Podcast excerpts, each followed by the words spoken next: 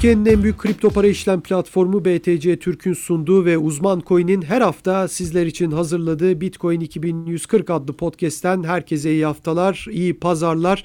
Ben Hakan Ateşler, arkadaşım Burak Köse ile birlikte yine yepyeni konu ve konuklarla sizlerle birlikteyiz. Gerçekten e, yoğun günler yaşıyoruz kripto para evreninde diyelim. Çok ilginç gelişmeler var. Regülasyon tarafında çok ilginç hem olumlu hem olumsuz birçok gelişme var. E, olumsuz gelişmelerin sonunun olumlulara döneceğine dair de birçok yorum yapılıyor. Yine biraz karmaşa hakim ama biz e, özellikle XRP konusuna, fiyat konusuna değineceğiz. Bitcoin'in fiyatı sapasağlam yerinde duruyor ama altcoin'ler yine e, tırnak içinde söyleyelim kan kırmızıya döndüler. Özellikle hafta içinde. Hemen Burak'la başlayalım isterseniz. Burak hoş geldin. Hoş bulduk Hakan. Sen de hoş geldin. Evet teşekkür ederim. Hemen XRP ile Ripple'la Amerika Birleşik Devletleri Menkul Kıymetler ve Borsa Komisyonu'nun açtığı dava ile başlayalım. Bu iş nereye kadar gidecek? Yani XRP öldü bitti herkes diyor ama aslında bir boğa rallisi vardı XRP'nin ve onun başına döndü. Aslında evet. çok da fazla hani yani, öyle bir düşüş hı. olmadı. Yani ciddi bir düşüş var ama hani e, ne bileyim 0 0 1'e düşmedi. 0.26'dayız. Hani ora, o, o e, seviyelerdeyiz. Sen neler söylemek istersin? Uzun vadede ve kısa vadede tabii. Aslında bu boğa rallisinin bu gelişmenin hemen öncesine denk gelmesi bana biraz enteresan geliyor. Bilmem bilmiyorum sen ne düşünürsün? Airdrop furyası vardı tabii birkaç hafta önce evet. e, Spark Airdrop'u Flare Networks'ten bahsediyorduk. Airdrop, Airdrop'un tabii fiyatta bir etkisi vardır ama e, ilginç açıkçası yani hemen e, bu gelişmelerin ertesinde böyle bir gelişme yaşanması, Ripple'a karşı böyle bir dava açılması. Şimdi birçok gördüğüm insanlar şunu biraz anlamakta güçlük çekiyorlar. Yani dava açıldıysa ne olmuş gibi. Şimdi burada bir kere davayı açan herhangi bir şirket, pardon herhangi bir şirket, herhangi bir birey ya değil. basit yani, bir kurum değil. Basit bir kurum değil. Yani evet. bu kurum bir devlet kurumu ve Amerika'nın en saygın kurumlarından biri Ripple'a karşı böyle bir dava açıyor ve Ripple'ın menkul kıymet olduğunu iddia ediyorlar. Tabi daha önce Jay Clayton bu kurumun başındaki isim daha önce Ripple'ın XRP'nin menkul kıymet olduğunu kendisi öyle düşündüklerini dile getirmişti tabii ama bu iş ciddiye binince ve kurum olarak bunun menkul kıymet olduğunu iddia ettikleri zaman iş bambaşka bir boyuta evrildi. Hemen çok kısa rica edelim. Bilmeyenler de olabilir ama menkul, kıy menkul kıymet olursa XRP ne olur? Niye bu kötü? Ha Şimdi, çünkü olumlu bir sözmüş gibi geliyor. Yani bak işte sek hani menkul kıymet oldu XRP'de evet. gibi olumlu bir şeymiş gibi geliyor ama değil aslında. Şimdi menkul kıymet olduğu zaman iki tane e, durum var. XRP'yi doğrudan etkileyen. Birincisi ABD'deki şirketler şu an Ripple'ın birçok müşterisi var ABD'de. Hatta yani Ripple'ın ABD'de müşterisi olmasına gerek yok. ABD'de para transferi yapabilmesi için ABD ile diğer ülkeler ülkeler arasında ABD ile bir XRP köprüsü kurulabilmesi için burada tabii ki XRP'nin de kullanılması lazım.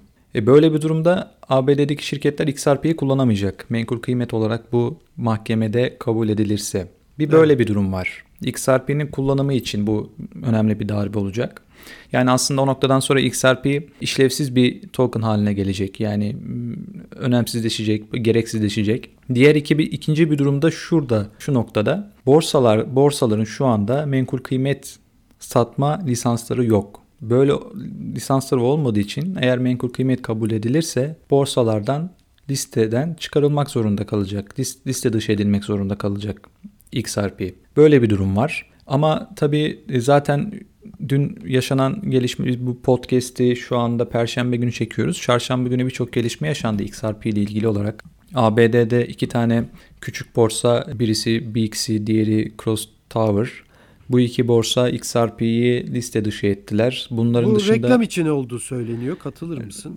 Yani çok katılmıyorum açıkçası o, o değerlendirmeye. Ya isimlerini duyurmak için hani bak XRP'yi delist ettiler işte. falan. Hangi borsalar? Şu şu borsalar. Anladım.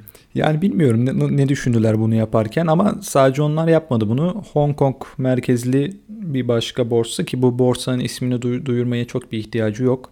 Hı hı. Ee, o da alım satımı durdurma kararı aldı. Hatta iş onun ötesine taşındı. E, iki tane önemli bir şirket piyasadaki büyük bir şirket bunlar. Piyasa yapıcı yani XRP için borsalara likidite sağlıyorlar. Birisi e, Jump Trading, diğeri e, Galaxy. Galaxy zaten Jump Trading daha da büyük bir şirket. Bu geleneksel piyasalarda meşhur. E, bu yüksek frekanslı algoritmik trade şirketi.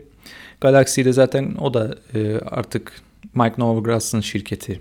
Birçok bir, evet. e, haberlerini yapıyoruz, konuşuyoruz. Bunlar artık XRP'de işlem yapamayacaklarını söylediler. Bu da aslında en büyük darbe buydu XRP için ki o, o bu gelişmenin ortaya çıkmasından sonra XRP'nin fiyatı da önemli ölçüde etkilendi bundan. E, bu şu anlama geliyor. Şimdi bu şirketlerin XRP'den çekilmesi burada büyük hacimli işlemlerin yapılmasında sorunlar yaşanacağını yaşanacağı anlamına geliyor. Nedir bu sorun? Hacim azalır. Bu sefer alış satış arasındaki makas açılır. Yani bu belki elbette küçük yatırımcı için de önemli ama büyük yatırımcı, büyük miktarlarda işlem yapanlar için çok daha büyük bir problem. Bu XRP için önemli bir sorun olacak piyasadaki likiditenin erimesi noktasında. Onun dışında Simplex bir başka şirket bu da artık XRP işlemlerini bloke etti. Bu şirketi e, birçok dinleyicimiz bilir belki borsalarda genelde görürler. İşte kredi kartıyla siz oradan kripto para almak istediğinizde Simplex entegrasyonu çıkar karşınıza. Bu şu anda birçok yurt dışında ve bazı Türk borsalarında kullanılıyor. Yani bu XRP'yi siz kredi kartıyla alamayacaksınız anlamına geliyor. Özetle XRP'deki durum bundan ibaret. Tabii XRP'de Türk yatırımcı çok. Dünkü rakamlar zaten bunu net bir şekilde ortaya koydu. Türkiye'deki borsalar, e, BTC Türk ve diğer borsalar bunlara baktığımızda XRP hacimlerinin Bitcoin'in iki katına ulaştı gördük dün, dün. Bu çok ciddi bir oran. Dünyaya baktığımızda böyle bir eğilim yok. Tamam XRP hacmi arttı ama Bitcoin'in kendi hacmi XRP hacminin çok daha üstünde ama Türkiye'de bunun tam tersi bir durum var. Tabii XRP öteden beri Türk yatırımcıların popüler bir tercihiydi. Bitcoin'den Tabii. sonra XRP deniyordu. Hatta 2017'de 2017'den gelen bir eğilim bu. 2017'de daha çok Ripple olarak anılıyordu. Şu anda Tabii. XRP deniyor. Doğru. Elbette o zaman da adı XRP'di ama orada bir değişiklik yaptılar. Artık CoinMarketCap gibi platformlarda Ripple değil XRP olarak yer alıyor. Türk yatırımcı buradan büyük bir darbe yedi. O tabi boğa koşusu sırasında XRP arama hacimlerine baktık Google'da. Bu hacimlere baktığımızda XRP arama hacminin tarihi rekorlar kırdığını gördük. Çok ciddi yatırımcı girişleri oldu. 0.60, 0.70 seviyelerinde. Yani eski günlerin geleceğini umut etti insanlar. Yani sadece Türkler de değildir. Sonuçta 3.2 dolar, 3.5 dolara Tabii. kadar çıkmış bir paradan bahsediyoruz. Hani acaba mı yine 0.25'lerden 0.30'u kırıp öyle yukarı dimdik gidince 60'lar 0.70'ler gelince insanlar belki o eski günlerin geleceğini düşünmediler de değil haklı olarak. Tabii tabii çok haklı olarak çünkü böyle bir boğa koşusu yapınca hani XRP'den bahsediyoruz potansiyeli yüksek bir coin bu, bu konuda sen de söyledin. Doğru. 3,5 dolarlara çıktığını. E, bu bir heyecan yarattı yani normal bu yatırımcı girişi. Bir de üçüncü en büyük kripto para yani öyle evet, hani evet. 20. sıradakinden bahsetmiyoruz yani Tether 3 4 XRP ile değişiyor ve Tether'den aldığı üçüncü sırayı öyle gitmeye başlamıştı açıkçası. Evet evet kesinlikle. Bu arada az önce bahsetmedim. Bitwise'da 245 milyon dolarlık bir fon. Şu anda yönetim altında 245 milyon dolarlık kripto para var. Bunlar da XRP pozisyonunu tasfiye ettiler. Yani XRP'den çıktılar ve sattılar bunu. Bu fonun %3.8'ini XRP oluşturuyor. O da 10 milyon dolar gibi bir rakam. E, tabii bu şu an için önemli görülmeyebilir ama Bitwise yeni bir fondu. Henüz birkaç hafta olmuştu. Belki buradan XRP'ye önemli bir para girişi olacaktı. Artık olmayacak. Şimdi Grayscale'in ne yapacağı burada şey önemli bir soru. O da Bitwise gibi bir fon sonuç olarak. Ee, onların da 35 milyon dolarlık bir e, yanılmıyorsam 35 milyon dolarlık bir XRP'de varlıkları var. Bunları tasfiye edecekler mi? Bu önemli bir soru bu noktada. Bu da XRP için negatif bir gelişme olabilir eğer yaşanırsa ki olur zaten. Şimdi bundan sonrası için XRP'nin önünde ne var? Uzlaşmaya gidilebilir burada. Garlinghouse CEO kazanacağız diyor. Yani evet yani politik olarak tabii öyle diyecektir. E, uzlaşmaya gidilebilir. Bu bu senaryo aslında mümkün yani olabilir diye tahmin ediyorum. Tabii e, hukuk, hukukçu değilim ama hukukçular bunu daha iyi yorumlar. Uzlaşma olabilir. Daha önce yapıldı çünkü bu birçok projeyle birlikte. Ripple bir evet. ceza öder burada. Ama ben şimdi burada şeylere de bir suçlama var. Farklı olarak öncekilerden CEO'ya suçlama var. İşte kurucu ortak ona da suçlama var. Sadece Ripple şirketi değil. Öncekilerde EOS'ta mesela kurucu kurucuların ismi geçmiyordu yanılmıyorsam e, şeyde şikayette. Doğru. Burada böyle bir farklılık var. Belki bilmiyorum yani. Ya kurucuya olunca ne oluyor? Yani şahsı olunca ne oluyor? Ya bu bunlar ceza alırlarsa belki uzlaşabilirler ama Ripple'la devam etmezler. Yani Ripple'dan hmm. ayrılma durumları olabilir bu isimlerin. Anladım. Öyle Anladım. düşünüyorum. Anladım. Şöyle bir seçenek de var. Şimdi Ripple'ın bu noktada yatırımcıları artık bir şeyler vermesi lazım. Yani yatırımcılarını bu XRP alan kitleyi, XRP topluluğunu elinde tutmak için bir şeyler yapması gerekiyor. Mesela en son tartışılmıştı yakın zaman önce burada XRP arzının yakılması durumu. Şu anda biliyoruz ki XRP arzı toplam arzı 100 milyar. Bunun dolaşımda olan miktarı 50 milyara yakın. 50 milyarlık kısmı da işte Ripple'ın tamamen kontrolünde duruyor. Tabii burada işte emanet cüzdanları var. Buralarda kilitli. Ripple işte bunlara %100 üzerinde kontrol sahibi değil gibi bir görüntü var. Burada XRP arzının yakılması gibi bir durum olursa ki bunu şeyde yaptılar, Stellar'da yaptılar. Sen de hatırlarsın yarı yarıya indirdiler onlar bir anda. Tabii tabii. XRP'de de eğer bu senaryola karşılaşırsak orada XRP'nin fiyat artışı önemli ölçüde olur diye tahmin ediyorum. Şimdi hemen tabii konumuza da geçeceğiz birazdan ama onu da bekletmeyelim. Hemen burada çok kısa Bitcoin fiyatına da değinmeni rica edeceğim. XRP'nin o düşüşü aslında diğer altcoin'lerin de ciddi şekilde düşmesini tetikledi. Evet. Yani e, bu belli ki XRP'den dolayı olan bir şey. Bitcoin fiyatı bugün 23 binlerde 22 binlerde duruyor sapasağlam ama en azından baktığında altcoin'ler çok ciddi şekilde eridiler. Sonra bir toparlanma oldu ama gerçekten çok ciddi şekilde şimdi örnekler verip uzatmaya da gerek yok ama çok ciddi bir erime oldu. Buradaki e, özellikle de tabii burada alt sezon bekleyen ciddi bir kitle de var. Yani uzmanlardan bahsediyorum. Hı hı. E, yatırımcılar zaten hep bekliyor ama uzmanlar diyordu ki hani e, Aralık ayı sonu olur, 2021'in ilk çeyreğinin başı veya sonu olur. Yani çok kısa vadede bir skala var açıkçası 4 ile 8 ay arasında yaz yaz mevsimine kalacak diyenler var ama herkes mutlaka ama mutlaka 2020'nin sonun sonuna kalmadan bir e, alt sezon bekliyordu. Altcoin sezonu bekliyordu. Bu gelişmeden sonra sen yine bir altcoin sezonu bekler misin? Yani bu gelişmeden sonra biraz gecikti gibi görünüyor. Çünkü XRP aslında şöyle bir XRP'nin şöyle bir özelliği var. Ee, XRP bir alt sezonun ateşleyicisi olmuştur genelde bugüne Doğru. kadar. Yani önce Doğru. bir XRP'de bir ciddi bir fiyat çıkışı görülürdü. Sonra diğer altcoin'ler de peşinden gelirdi. Yani bunun doğrudan bir XRP ile ilgisi var mı bilmiyorum ama eğilim genelde bu yöndeydi. Şimdi ben hep şunu söyledim e, bugüne kadar podcastlerde. Alt sezonun gerçek bir alt sezonu görmek için bizim Bitcoin fiyatında artık o yükselişin bittiği noktaya gelmemiz lazım diye. Ondan sonra işte gel, hakiki böyle eski bir gecede 3x'lik yükselişleri göreceğimizi tahmin ediyorum.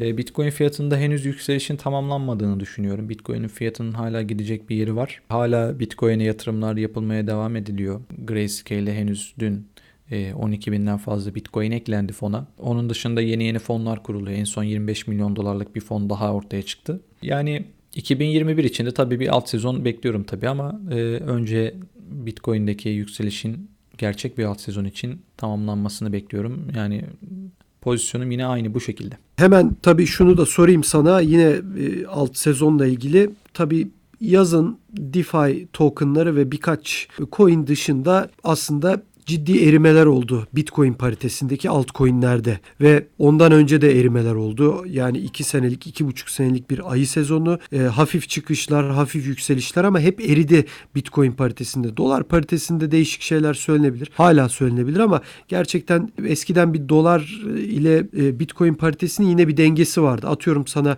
e, herhangi bir coin'in 2 satoshi iken dolar paritesi atıyorum 4 satoshi olurdu. Öbürü 4 oldu mu öbürü de 8'e çıkardı. Yani en azından azından bir korelasyon vardı. Şimdi o korelasyonların çoğu darmadağın olmuş durumda. Yani Bitcoin paritesinde çoğu coin adeta eridi. E şimdi alt sezonda insanlar niye bekliyor? Tamam dolar paritesinde yükselirse belki e, nakde çevirmek babında bozulabilir coinler ama herkes Bitcoin sayısını arttırmak için alt sezonu bekliyor aslında. Ana hedef bu. Eski şekilde o parite e, Bitcoin paritesindeki rakamların Satoshi'lerin geleceğini düşünüyor musun alt sezonda? Düşünmüyorum. Yani 4-5x'ten Bu- bu- Hı hı, e, anladım. farklı olarak yani şimdi öyle coinler var ki tamam 2017'deki alt sezonda 4-5x yapmış ama şimdi 4-5x yapsa o dönemin e, onda birine anca yetişiyor. Evet, yani evet. darmadağın olmuş durumda. Doğru. Yani hiçbir şekilde yanına bile yaklaşamıyorsun Evet. o sezon. Yani Bu evet. anlamda soruyorum. E, altcoin'leri artık bundan sonra Bitcoin paritesinde bakarsak bence üzülürüz. Çünkü çok yerlerdeler. Evet. Bitcoin'in evet. fiyatının da artacağını göz önüne alırsak, eğer böyle öngörüyorsak, ben tekrar eski Bitcoin bazındaki değerlerinin yakalanacağını düşünmüyorum. Aslında normalde bu değil mi? Yani biz hep Bitcoin diyoruz hani 30 bin dolarlar, 20 bin dolarlar, 20 bin kırılırsa şöyle olur. İleriki yıllarda 50 bin, 100 bin. E şimdi e, bunlar olursa zaten Bitcoin paritesinde dünyada bırak altcoin'i ne varsa erir. Evet, yani evet, bunun bir evet. önemi kalmıyor o zaman. Tabii tabii tabii yani yani ben bu o senin şu bahsettiğin senaryonun geçerli olacağını düşünüyorum açıkçası. Tekrar eski Bitcoin bazında eski değerleri göremeyeceğiz ama dolar benim bahsettiğim yükseliş dolar bazındaki bir yükselişten bahsediyorum. Evet. Dolara Evet. bakarsak ben tekrar aynı yükselişleri, benzer yakın yükselişleri göreceğimizi tahmin ediyorum altcoin'lerde. Evet yani fiyatlar bu şekilde e, ciddi şekilde Bitcoin'in yerinde durduğunu söyleyelim ama aynı zamanda da altcoin'lerin yine eridiğini belirtebiliriz XRP kaynaklı. E tabii o oluyor XRP oluyor öbür gün başka bir şey oluyor Bitcoin sert düşüyor Bitcoin sert artıyor. Ya yani altcoin'ler için aslında sürekli olarak düşecek düşmesi için bir sebep var. Yani son olarak Burak sana şunu da sorayım. Yani yavaş yavaş sanki sadece Bitcoin'e doğru odaklanmalı mıyız? Bunu düşünüyor musun? Yani her zaman şöyle yapmalıyız. Ben Ee, sosyal medyada yavaş yavaş bunu görüyorum. Anladım. Çünkü Bitcoin'e odaklanmalıyız ama şöyle odaklanmalıyız. E Zaten bu en başından beri hep böyle olmalıydı. Hani e, Türk yatırımcılar çok seviyorlar altcoin'leri. Evet. Tabii. E, Bitcoin'e daha adım atmadan altcoin alıyorlar mesela. Bu yanlış Evet. bir strateji. Hep böyle işte e, %60 Bitcoin, %70 Bitcoin gerisiyle altcoin. Sırt burada böyle bir portföy dağılımı bence daha doğru. E, az önce XRP tabii bütün altcoin piyasası neden çöküş yaşadı XRP ile beraber bu aklıma gelmişken bundan da bahsedeyim. Burada şunun etkisi var. Şimdi XRP'ye karşı menkul kıymet suçlaması birçok altcoin'de de aynı riski getirdi. hmm, Mesela Chainlink, evet. işte e, Mana veya işte menkul kıymet olma olasılığı yüksek olan altcoin'lerde e, buradan kaynaklı da bir düşüş yaşandı. Doğru o yorumları da görmüştüm ben. Şunu sorayım. Stellar konusunda ne düşünüyorsun? O da XRP'nin yani kurucusunun eski kurucularından eski kurucusu değil Evet. zaten kurucusu olmuş oluyor. Evet. Türkçeyi doğru kullanalım. Yani kurucusunun daha sonra Ripple'dan ayrılıp Stellar'ı kuran bir kişi. Bu XLM Stellar'a yarar mı? Onun da zararına mı olur? Çünkü o da düştü. O da Bence fiyat anlamında mı rakipsiz mi kaldı acaba? Sorunun başladığı nokta XRP'nin kurucusunun aynı zamanda XLM'in de kurucusunun olması. Çünkü e, McCaleb baktığımızda yani şöyle öyle bir yorum yapmıştım ben Twitter'da. Nereye adım atsa orada bir sorun görüyoruz aslında. Mt. Gox eski borsa e, Doğru. skandallarla beraber iflas eden. Ya o işin biraz ama yani magazinsel tarafında Magazinsel kalmıyor tarafı tamam. Diğer tarafına da geçeceğim ama yani zaten sonradan XRP'yi kurdu Ripple'ın kurucularından biri. Evet. Yani XLM'de tabii XRP kadar sıkıntılar yok. Bu Yok, menkul tabii. kıymet olma anlamında. Onun anlaşmalar yapacağı da devlet kurumlarıyla belirtiliyor. Yani e, bunun ona aslında uzun vadede beklenen proje olmayacağı ama kısa vadede de yaptığı anlaşmalarla bir fiyat yükseltme olasılığının olduğu da belirtiliyor. Onu da söyleyeyim. Evet. Ee, ama ben yine de riskli görüyorum açıkçası Stellar'ı şu noktada. Biraz daha beklerdim. Evet yavaş yavaş da konumuza geçebiliriz. Tabii fiyat konusunda e, konuşacak çok konu var. Yani e, saatlerce sürebilir. XRP, oradan Bitcoin, oradan altcoin'ler, e, sektör nereye gidecek derken konumuzu unutmayalım. Konuğumuz Mert Susur Uçurtma Projesi geliştiricisi ve yazılım mühendisi Mert Susur bizlerle birlikte. Mert hoş geldin programımıza. Merhabalar abi, hoş bulduk. Sağ olasın. Tabii birçok konu var. Yani Ethereum'dan bahsedeceğiz. Teknik konulara gireceğiz. Fiyat konuşabiliriz. Bitcoin'deki gidişatı konuşabiliriz. Blockchain'in dünyada geldiği nokta. Yani çok geniş kapsamlı bir konuyla birlikteyiz ama istiyorsan e, Burak senin de izninle şuradan bir giriş yapalım. Uçurtma Tabii. projesi dedik. Uçurtma projesinin ne olduğunu bir ilk olarak anlatalım. Mert bize anlatsın uçurtma projesi nedir? Kripto paralar veya blockchain ile bağlantısı nedir? Oradan bir başlayalım, bir girizgah yapalım. Daha sonra zaten konu konuyu açacaktır. E, doğaçlamada gidebiliriz zaten. Biz sorularımızı da hazırladık. Ama bir uçurtma projesinden başlayalım istiyorsan Mert. Tabii anlatayım e, uçurtma projesini. Aslında uçurtma projesi kişilerin bağış ve destek toplayabilmeleri için bir platform. Biz uçurtma projesinde şunu hedefliyoruz. Öğren şu anda öğrenciler üzerinde biraz e, odaklanmış durumdayız ama genel olarak yapmak istediğimiz şey bağış toplamak isteyen herkesin bu platformu kullanabilmesini sağlamak. Şu anda uçurtma projesi aslında bu bağış alanındaki şeffaflık problemini çözmeyi hedefliyor. Bunu da blok zinciri tekno- teknolojilerini kullanarak yapıyoruz. Ne demek bu? Örneğin siz birisine destek verdiğiniz zaman o desteği gerçekten nasıl harcandığını genelde bilmiyorsunuz. Ya da mesela birisine bağış verdiğiniz zaman ya da birisine bir öğrenciye burs vermeye karar verdiğiniz zaman bu e, bursun ne şekilde harcandığına dair hiçbir fikriniz yok. Tabii Veya güvene dayalı öğrencinin- oluyor genelde.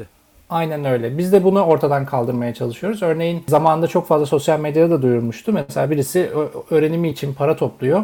Fakat ondan sonra bir bakıyorsunuz Instagram hesaplarında o parayı meğersem Avrupa'da gezerken yemiş. Dolayısıyla biz de e, bu probleme aslında biraz odaklandık ve burada m, öğrencilerin belli sözler vermesini ya da işte bağış toplayan kişinin belli sözler vermesini ve e, bu topladığı bağışları da sözlerini tuttuğu sürece alabilmesini sağlayacak bir akıllı kontrat geliştirdik. Şu anda yaklaşık 22 tane öğrencimiz var. Hatta yeni bir tane daha kampanyaya başladık. Biraz daha farklı öğrencilerden bir okul öğretmeni bilgisayar, bilgisayara ihtiyacı var öğrencilerine uzaktan eğitim verebilmesi için. Konuda bir yeni bir kampanya yarattık. Yani bu tarz alanda aslında öğrencilerin özellikle gelişimini destekleyip Türkiye'deki maalesef bu geçim sıkıntısı yaşayan, bizim kadar şanslı olmayan öğrencilerin de e, başarılı olabilmesini sağlamak için yaptığımız bir proje diyebiliriz.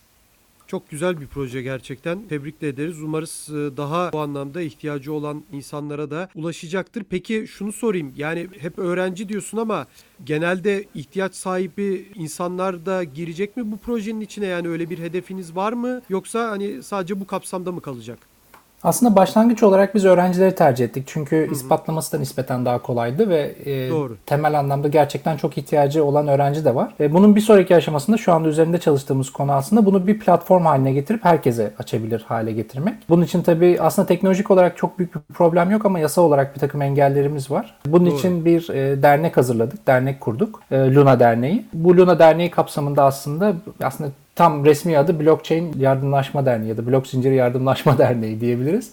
E, Bu Evet. dernek kapsamında bu çalışmaları yapıyoruz. Burada 1 lira bize çok fazla destek oluyor sağ olsun. E, Bunun yanında bazı destek olan yine sosyal şeyler, e, yardımlaşma e, kurumları da var. Bu kurumlarla birlikte aslında bütün e, firmaların ya da pardon e, bütün derneklerin ya da işte STK'ların e, bizim üzerimizden bir hesap yaratıp bizim üzerimizden kripto olarak bağış ve destek toplayabilecekleri bir platforma çevirmeye çalışıyoruz şu anda. Tabii yani çok daha da kolay olur. Yani bu devirde Instagram'da tabii hep özellikle sosyal medyada hep görüyoruz. Hani yardıma ihtiyacı olanlar her anlamda sağlık anlamında olsun, geçinme anlamında olsun. Yani birçok konuda bu yardımların hep bir şüpheye düşüyoruz ve yardımları ulaştırmak da genelde hani zor olur. Güvenemiyorsun bazen üşeniyorsun. Açık söyleyelim hepimiz insanız. Ona da yardım yaptım buna da mı yapayım falan filan. İnsanların kafaları karışıyor. Bu ne kadar kolay ve güvenli olursa ve insanların içi rahat olursa tabii ki çok daha ilerleyecektir diye düşünüyorum. Umarım öyle olur. Bu ihtiyaç e, olunan bir konu. Yani hepimizin ihtiyacı gelişmesine ihtiyaç duyduğumuz bir konu. Güzel umarım başarılı olursun diyelim. Ben Burak'a sözü bırakayım. Teşekkürler. E, Ben yine uçurtmadan devam edeceğim. E, Şimdi tabii birçok burs veren şu anda e, burs üzerinden gidersek Türkiye'de vakıflar var. E, Sizin vakıflarla bir iletişiminiz oldu mu bu konuda? Vakıflar bu meseleye nasıl bakıyor? Yani bu blockchain konusu ve sizin projeniz zaten onların önemli bir sorununu çözen bir şey. Bazı derneklere ulaştık, farklı vakıflara da ulaştık. Şu anda en büyük engelimiz aslında bu işin yasal tarafı. Yani bizim de uğraştığımız şey şu bu aslında. Yani bu konuda bir takım destekler de alıyoruz farklı avukatlık bürolarından ve avukatlardan. Şu anda e, aslında tanımı yok. Yani kripto para olarak bağış toplamanın bir tanımı yok. Dolayısıyla aslında ne yasal değil ne yasal. Böyle garip bir gri bir bölgede duruyor. Bu anlamdaki işte öncelikle biz bu çalışmalarımızı tamamlamaya çalışıyoruz. Yani bunun yasal zeminini oluşturup yani yasa olarak bunu nasıl e, en kolay şekilde yapabiliriz, en rahat şekilde yapabiliriz, bunu nasıl tanımlayabiliriz diye aslında konuşuyoruz. E, buradaki e, bunları tamamladıktan sonra da aslında platform tarafında bir takım destekler vereceğiz ama konuştuğumuz bazı dernekler var. Yani şu anda bizi kullanmak isteyen, e, bize ulaşan çok fazla dernek oluyor. Fakat biz şu anda henüz daha tam olarak hazır olmadığımız için birazcık o tarafı bekletiyoruz. Anladım. E, son olarak herhalde kurumsal destekçi özelliğini de devreye aldınız. E, bundan kurumlar nasıl yararlanıyor bu özellikten? Yani aslında e, kurumsal destek özelliğini bir e, 20 öğrenci için devreye aldık. Yani 20 öğrenci için toplamak istediğimiz belli bir miktar para var. Bu para için e, destek veren e, kurumlara e, aslında bir havuza, bir havuz kontrata parayı gönderiyorlar.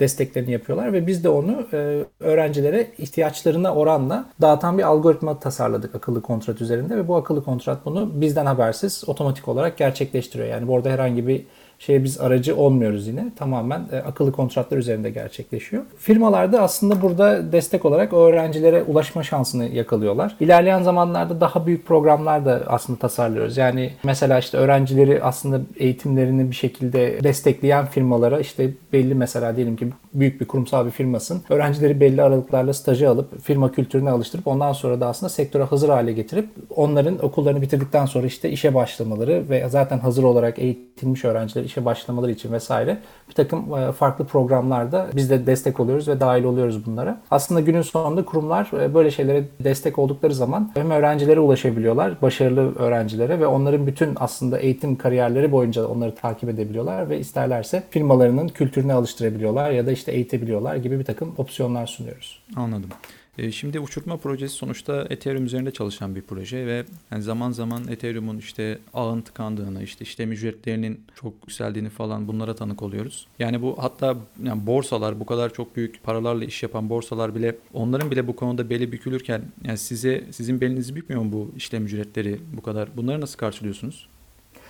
Orada aslında çok fazla optimizasyon yapıyoruz. Şu anda bunların hepsi bizden çıkıyor aslında. Doğrusunu söylemek gerekirse. Burada ciddi anlamda bir optimizasyona gitmemiz gerekti. Yani işte burada yaptığımız, yazdığımız algoritmaları mesela test ortamında yani test nette birçok defa test edip nasıl daha ucuza yazabiliriz gibi bir takım bir öğrenim oldu bizim için de. Çok güzel bir konuya değindiniz bence. Çünkü bu konu bence şu anda blok zincirinin kullanılamamasının yani birçok mainstream'e düşmemesinin en büyük sebebi. Ee, ve bu anlamda biz de çok ciddi problemler yaşıyoruz. Burada bizim bir şey planımız var. Ava'ya geçiş için bir takım e, düşüncelerimiz var ama şu anda Ava Network'ü tam anlamıyla blok e, şeyler Ethereum mainnet üzerinde yazılmış kontratların %100'ünü desteklemiyor. Desteklemediği bazı özellikler var. Hı hı. Biz de bunları adapte etmek için bir takım ARGE çalışmaları yapıyoruz bir taraftan. Yani onu nasıl daha şey hale getirebiliriz diye ama sanırım o tarz o tarz bir network'e geçmek avantajlı olacak. Paralelde de Ethereum 2.0 eğer başarılı bir şekilde e, devreye alınabilirse e, herhalde bir 3 yılı 4 yılı var onun benim tahminim. E, bu tarz şeylerin de önünü açmış olacak. Anladım. Uçurtma projesinin dışında siz aynı zamanda yakın zaman oluyor yine anonim ofisi faaliyete geçirdiniz. E, anonim ofise neden ihtiyaç duyuldu ve bunun çalışanlara ne gibi avantajları var? Aslında Anonym Office bir şeydi. Ee, şimdi Blind Team Blind diye bir e, yabancı bir web sitesi var. Ee, bu web sitesi üzerinde aslında birçok tartışma dönüyor ama sanki Türkiye'de de böyle bir şeye ihtiyaç vardı diye bir hipotez de ortaya çıktı. Fakat günün sonunda gördük ki gerçekten ilgileniyor insanlar. Amacımız şuydu aslında Türkiye'de maalesef e, işverenlerin büyük bir kısmı bir takım haksızlıklar yapıyor. Ve e, ne yazık ki bunların karşılığını yani çalışanlar alamıyorlar ya da çalışanların büyük bir kısmı mesela profesyonellerin büyük bir kısmı isimlerini kötü duymamak için ya da firmasına kötü duyu görünmemek için bir takım şeyleri söylemiyorlar. Bunları genelde böyle de, genelde şey vardır ya ofislerde sigara indiğinde, çay içmeye indiğinde e, bunların dedikodusu yapılır. Aslında biraz orada bir bunları daha göz önüne çıkartabilir hale getirmek istiyoruz. Çünkü bence Türkiye'de bir potansiyel var. Çok çok iyi yazılımcılar var ve e, firmalar bence o yazılımcıları ve ya da işte aslında o kalifiye iş gücünü iyi bir şekilde kullanamadığını düşünüyorum. Bunun sebeplerinden bir tanesi de aslında firmaların e, çalışanlarına tam olarak ilgi göstermemesi ya da çalışanlarını e, nasıl diyeyim mutlu etmek için yeterince uğraşmamaları ve bunu birazcık daha göz önüne çıkartmak istiyoruz aslında. Yani aslında firmaların birbirine sunduğu ne gibi avantajlar var? Yani bir firma bir firmadan neden daha iyi? Çalışma koşulları nasıl? Bunlara birazcık daha ulaşmak istiyoruz. Türkiye'de bunun gibi bir takım projeler vardı önceden ama bunlar çok uzun soluklu olmadı. Çünkü bir anonimite vermiyor ya da işte bir takım mesela firma diyor ki bunu kaldırın diyor ya da bunlar bir ücret karşılığında belli şeyleri değiştiriyorlar ya da firmalar girip yorum yazıyorlar vesaire. Biz bunu birazcık daha arka tarafını en azından daha şeffaf bir hale getirip anonimliği ön plana çıkartıp insanların rahatlıkla bunları yaşadığı problemleri paylaşabilmesini istedik. Tabii bir de bir taraftan da şey var yani bir firmanın CTO'su gelip de ben şu anlamda şu, sorun, şu konuda sorun yaşıyorum diyemiyor. Bunu paylaşabileceği çok fazla kimse yok. E, ismim kötülenir, işte herkes beni eksik görür vesaire gibi takım şeylerden kaygı duyuyorlar. Biz bir taraftan da bunları hani problem bu problemleri çözmek istedik. E, şimdilik iyi bir tepki aldı. Biz yine orada yasal bir takım şeylere takıldık şu anda. Onları çözmeye çalışıyoruz. Zaten hani en büyük problem her zaman bu oluyor. E, Evet, yazık sonunda evet. bunları çözmemiz gerekiyor. E, burası tabii sadece yazılımcılara özel değil değil mi? Yani biz de Hakan'la zaman zaman iş yeri dedikodusu yapıyoruz mesela. Bunu kullanabiliriz sonuç olarak. Tabii ki aynen öyle. Şimdi orada değişik bir özellik getireceğiz. Şöyle olacak. Çalıştığın firmada eğer senden farklı 5 kişi daha varsa o firmada çalışan kişilere özel bir takım özel alanlar oluşmaya başlayacak. Yani sen firma içindeki dedikodunu da anonim olarak firma içinde yapabiliyor olacaksın. Böyle bir takım özellikler sunarak e, aslında birazcık daha e, bunu şey hale getirmek istiyoruz. Daha rahat ve paylaşılabilir hale getirmek istiyoruz. Anladım. Şimdi müsaade ederseniz Ethereum'a geçelim yavaş yavaş. Ethereum'da tabii yakın zaman önce staking başlatıldı. E, POV'dan POS'a bir geçiş süreci var. Ethereum'da neler oluyor? Bu kavramlara aşina olmayanlar için POV POS neyi ifade ediyor? Yani E ETH 2.0'a geçiş tamamlandığında ne olacak? Zaten siz az önce biraz söylediniz. 4 yıllık bir süreç bekliyorsunuz sanırım. Ben aslında bunun 2 yıl falan gibi düşünüyordum ama herhalde zaten Ethereum'da süreler hep uzamıştır bugüne kadar. E, özetle bir Ethereum 2.0 özeti yapabilir misiniz bize? Tabii. Aslında neden buna ihtiyaç duyuldu? Oradan belki başlamakta fayda var. Şu anda Ethereum ve birçok blok zinciri aslında merkeziyetsizlik üzerine optimize olmaya çalışıyor. Yani merkeziyetsiz ve güvene ihtiyaç duymayan bir platform haline gelmek istedikleri için bunu sağlamak adına bir takım algoritmalar kullanıyorlar ve bütün sistem tasarımlarını buna göre yapıyorlar. Burada Ethereum'un da kullandığı Proof of Work denen bir konsensus sistemi var ve bu konsensus sistemi aslında hepimizin artık hani eminim dinleyen herkes bunu çok iyi biliyordur. Ciddi anlamda enerji tüketiyor ve bunun üzerinde madencilik yapmak ciddi anlamda maliyetli hale geldi ve aslında baktığın zaman da çevreci bir yaklaşım değil. Ethereum'un 2.0'ında aslında bunu çözmeye çalışıyoruz. Bir de tabii Power of şey Proof of Work'ün aslında bir şöyle de bir problemi var. Bunlar ölçeklenebilirlik anlamında da bir takım sorunları peşinde getiriyorlar. Yani Ethereum'un ilk tasarımı yapıldığı zaman optimizasyonu aslında Ethereum'un akıllı kontrat çalıştırabilmek üzerineydi. Yani Ethereum'un aslında en büyük sunduğu değer bu. Bunu sağlamak için merkeziyetsiz bir konsensusa ihtiyaçları vardı ve o zaman bunu uygun gördüler. Fakat e, aldığı ilgiden dolayı artık Ethereum yetmemeye başladı. Az önce senin de söylediğin gibi burada bir takım şeyler olmaya başladı. Sistem yavaşlamaya başladı, e, işlem ücretleri ciddi bir şekilde artmaya başladı vesaire vesaire. Bütün bu problemleri çözmek adına e, Ethereum'un altyapısını aslında sıfırdan yazıyorlar diyebiliriz. Burada EVM denen bir sanal makine var aslında. Yani akıllı kontratların çalıştığı bir yazılım var. O yazılımı şu anda sıfırdan yazıyorlar ve bunu yeni teknolojiler kullanarak yapıyorlar. Buna paralelinde de tabii dediğin gibi konsensus yöntemini de değiştirmeyi hedefliyorlar ki böylelikle daha iyi ölçeklenebilir bir hale gelsin. Burada aslında Ethereum'un sunduğu şey bir ölçeklenebilirliği arttırmak, iki daha işte doğaya daha dostça bir şey sağlayabilmek, daha sürdürülebilir bir hale getirmek, daha az enerji kullanan bir hale getirmek ve daha güvenli hale getirmek aslında. Bunu bir takım upgrade'lere böldüler. Üç aşamada devreye alınacak Ethereum 2.0. Bunun birinci aşaması Beacon Chain'di. Beacon Chain şu anda devreye girdi artık. Kendisine bir yani aslında canlı da çalışıyor. Beacon Chain'le gelen en büyük özelliklerden bir tanesi aslında staking özelliği. İnsanlar ne yapıyorlar? Bu işlemleri, transfer işlemlerini şu anda bugün itibariyle onaylatabilmek için aslında bir takım ellerindeki Ether'i stake ediyorlar. Stake etmek ne demek? Aslında bir yere kaldırıyorsun ve paran orada duruyor. Bunu yaptığın zaman sen en az 32 Ethereum'a sahip olursan kendi başına bir e, nodu çalıştırabiliyorsun. Bu ne demek bir nodu çalıştırabilmek? E, günün sonunda şunu sağlıyor bize. E, yapılan işlemleri onaylayabilir hale geliyorsun aslında. Ve e, burada aslında artık işlemci gücünden ziyade senin elinde tuttuğun Ether burada önemli olmaya başlıyor. Ve buna da Proof of Stake deniyor. Bunun ikinci aşaması e, Shard Chain denen konu. Yani aslında bir alt bir takım alt zincirler oluşturulacak. Aslında ne yapmaya çalışıyorlar? Bu işlemleri küçük parçalara bölmeye çalışıyorlar. Bunları küçük parçalara böldükten sonra yani aslında mesela şu anda bir tane büyük bir zincir var. Bu zincirin üzerinde bir şey onayladığın zaman bütün network'e bunun dağılması gerekiyor. Dolayısıyla bu o kadar da aslında e, optimize bir yöntem değil. Bunun için şartlar oluşturacaklar. Küçük parçalar, küçük e, zincirler oluşturacaklar.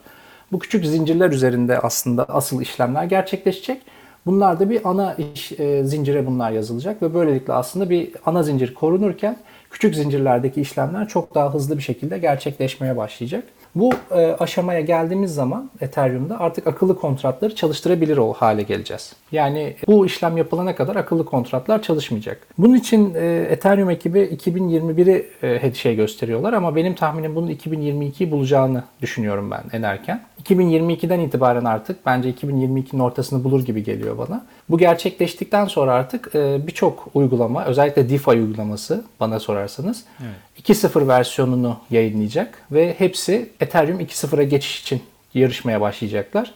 Çünkü Ethereum 2.0'a geçtikleri anda artık ölçeklenebilirlik problemleri olmayacak ve bu DeFi özellikle borsalar tarafına bakarsak merkeziyetsiz borsalar e, hızlı bir şekilde işlemlerini yapabilecekleri için inanılmaz volümlere ulaşacağını düşünüyorum ben. Bence şu anda klasik borsaları e, en çok tehdit eden konu da bu. Yani bu e, bir shard chain'ler hayata geçtiği zaman bence birçok insan artık bırakıp şeyi bu merkezi borsaları. merkezi borsaları bırakıp merkeziyetsiz borsalara geçiş yapmaya başlayacaklar. Ki bence bu Ethereum'un fiyatını da çok ciddi bir şekilde etkileyecek. Aynı zamanda orada çalışan tokenları da tabii etkiler.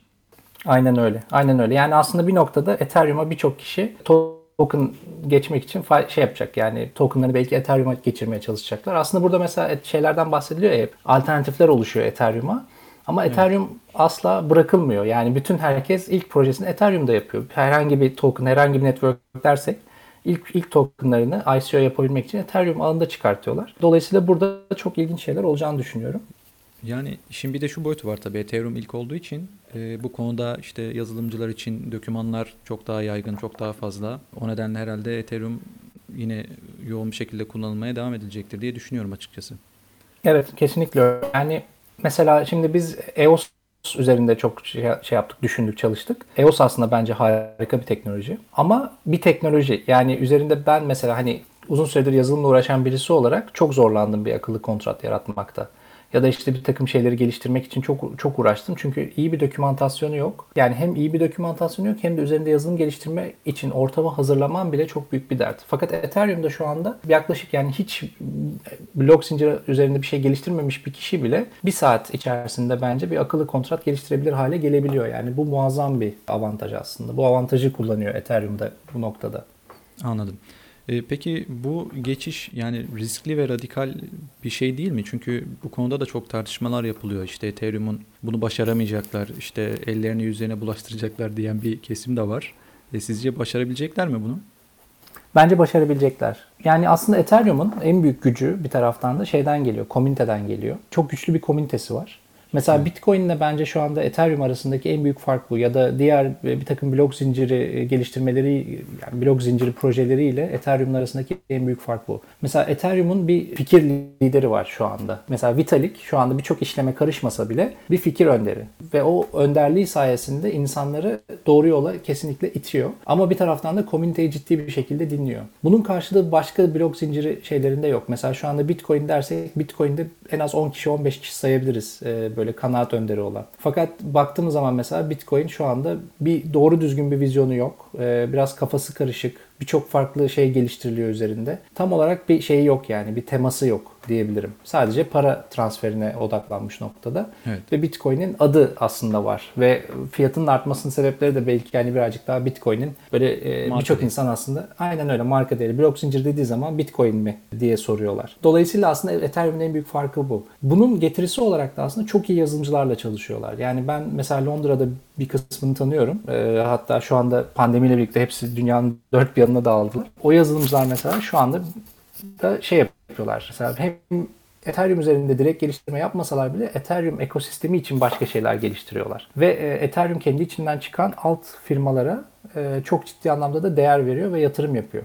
Mesela ENS bunlardan bir örnek. ENS aslında bir hackathon projesi olarak başladı. Bu e, name service, Ethereum name service evet. diye geçiyor. Yani Ethereum'un public key'leri şu anda sıfır çarpı bir şey böyle bir takım sayılar olmuşken ona sen aslında bir isim yükleyebiliyorsun. Bu isim yükleyen servise de ENS deniyor akıllı kontratlarla çalışıyor. Bu ENS aslında bir hackathon projesiyken bugün itibariyle bir firma ve CEO'su da e, bu Ethereum'un üzerinde Solidity tarafında ciddi anlamda geliştirme yapan bir kişi. Ve bunu yap bunu yapmak istediği zaman Ethereum komünitesi onu destekliyor ve ona yardım ediyor. Dolayısıyla bu dayanışma aslında Ethereum'u çok güçlü bir hale getiriyor ve herkes her konuda fikrini açıkça beyan edebiliyor ve tartışabiliyor ve isterse de avukatlığını yapabiliyor.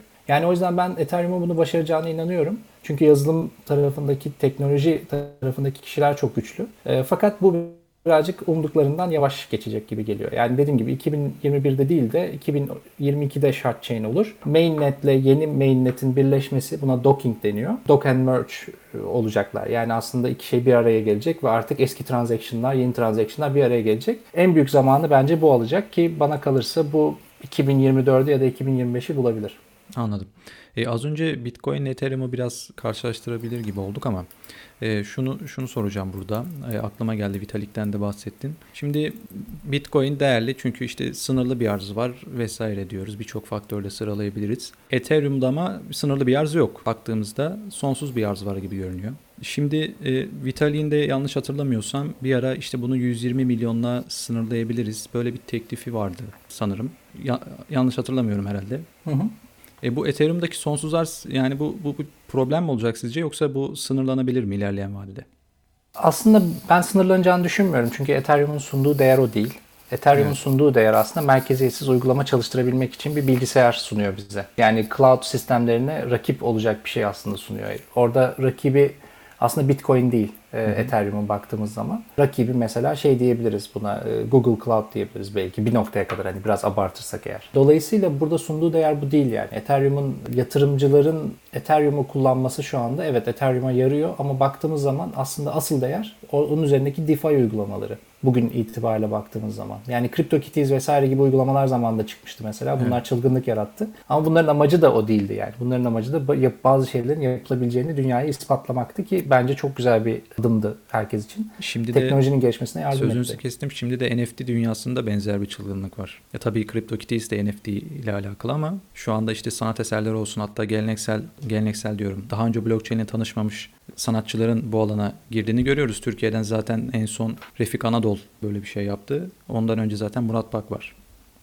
Yani bu bence çok güzel bir şey gerçekten. Çünkü gelecek buraya doğru gidiyor. Burada tabii önümüzdeki tek en büyük engel yine aslında ne kadar bunlara merkeziyetsiz desek de bir merkezi birisinin bunları onaylaması gerekiyor. Burada bu noktada bunlar devletler. O yüzden hani burada bu işin adaptasyonu belki birazcık daha uzun sürebilir. Fakat e, şu anda birçok e, dijital şey aslında tamamıyla mesela örneğin bir şarkı dijital olarak Ethereum üzerinde tokenize edilip satılabilir. Ya da e, bir dijital bir görsel ki bunun aslında şeyleri de var. Art Exchange konusunda özellikle dijital art exchange konusunda ciddi bir takım çalışmalar da var dediğin gibi. Dolayısıyla bu tarafı çok güçlü ve bu tarz uygulamalar aslında işte bu dilin gelişmesine de yardım ediyor. Yani üzerinde yazılım geliştirdiğimiz şeyin sınırlarını zorlamamıza da yardım ediyor. Bu yüzden çok önemli. Anladım. Hakan sana hiç söz vermedim ama kayboldun. Ben e, yok yok ben çok güzel dinliyorum zaten. Biraz da teknik konular. E, şeyi de soracaktım.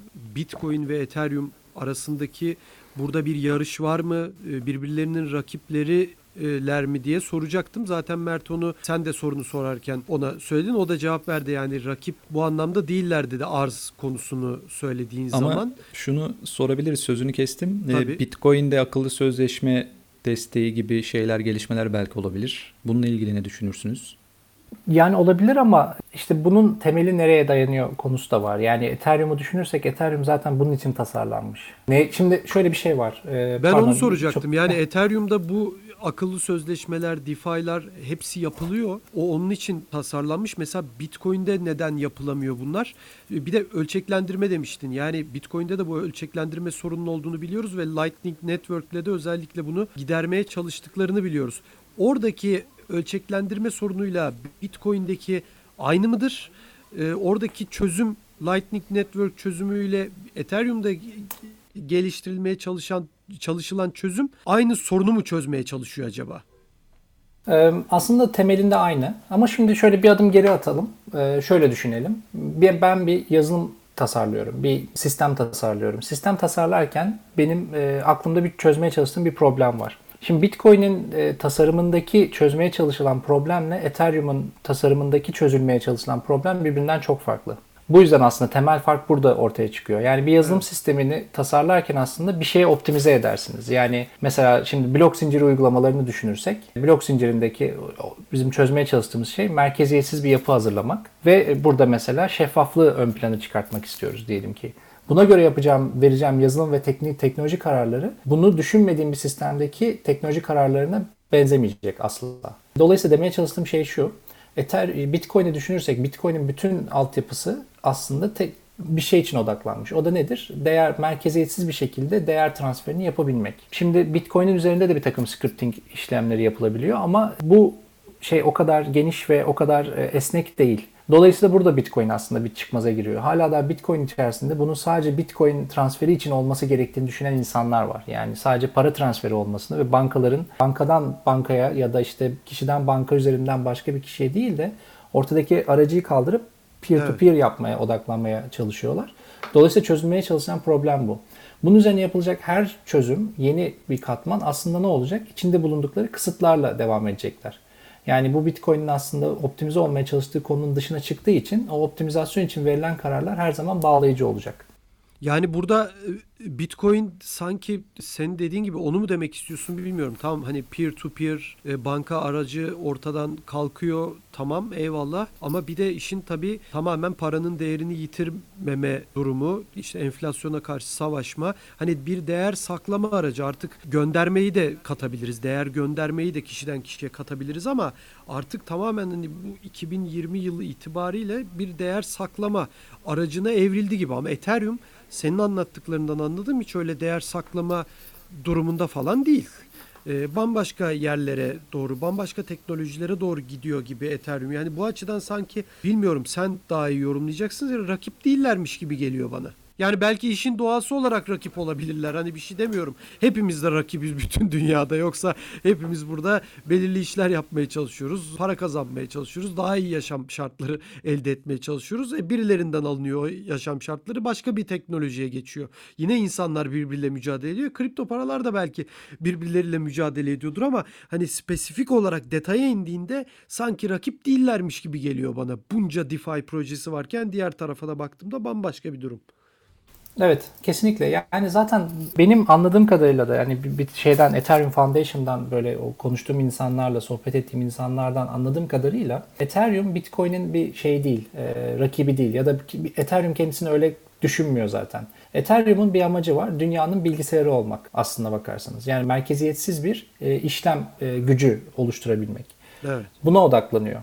Bunun yanında da aslında Ethereum bunu yaparken tek başına bunu yapmıyor. Ee, bazı konseptleri test edebilmesi için çok alakasız projelere de yatırımlar yapıyor. Yani mesela Golem Network'e yatırım yapmışlığı var e, Ethereum'un. Değil mi? Belli bir takım şeyler veriyor. Kim kendi ağını kullanmasa bile. Ama bunu neden yapıyor? Çünkü belli aklında de, test etmek istediği konseptler var. Bu test etmek istediği konseptleri test edebilip onların üzerinde araştırma geliştirme yapılabilmesini yolunu açmak için yapıyor.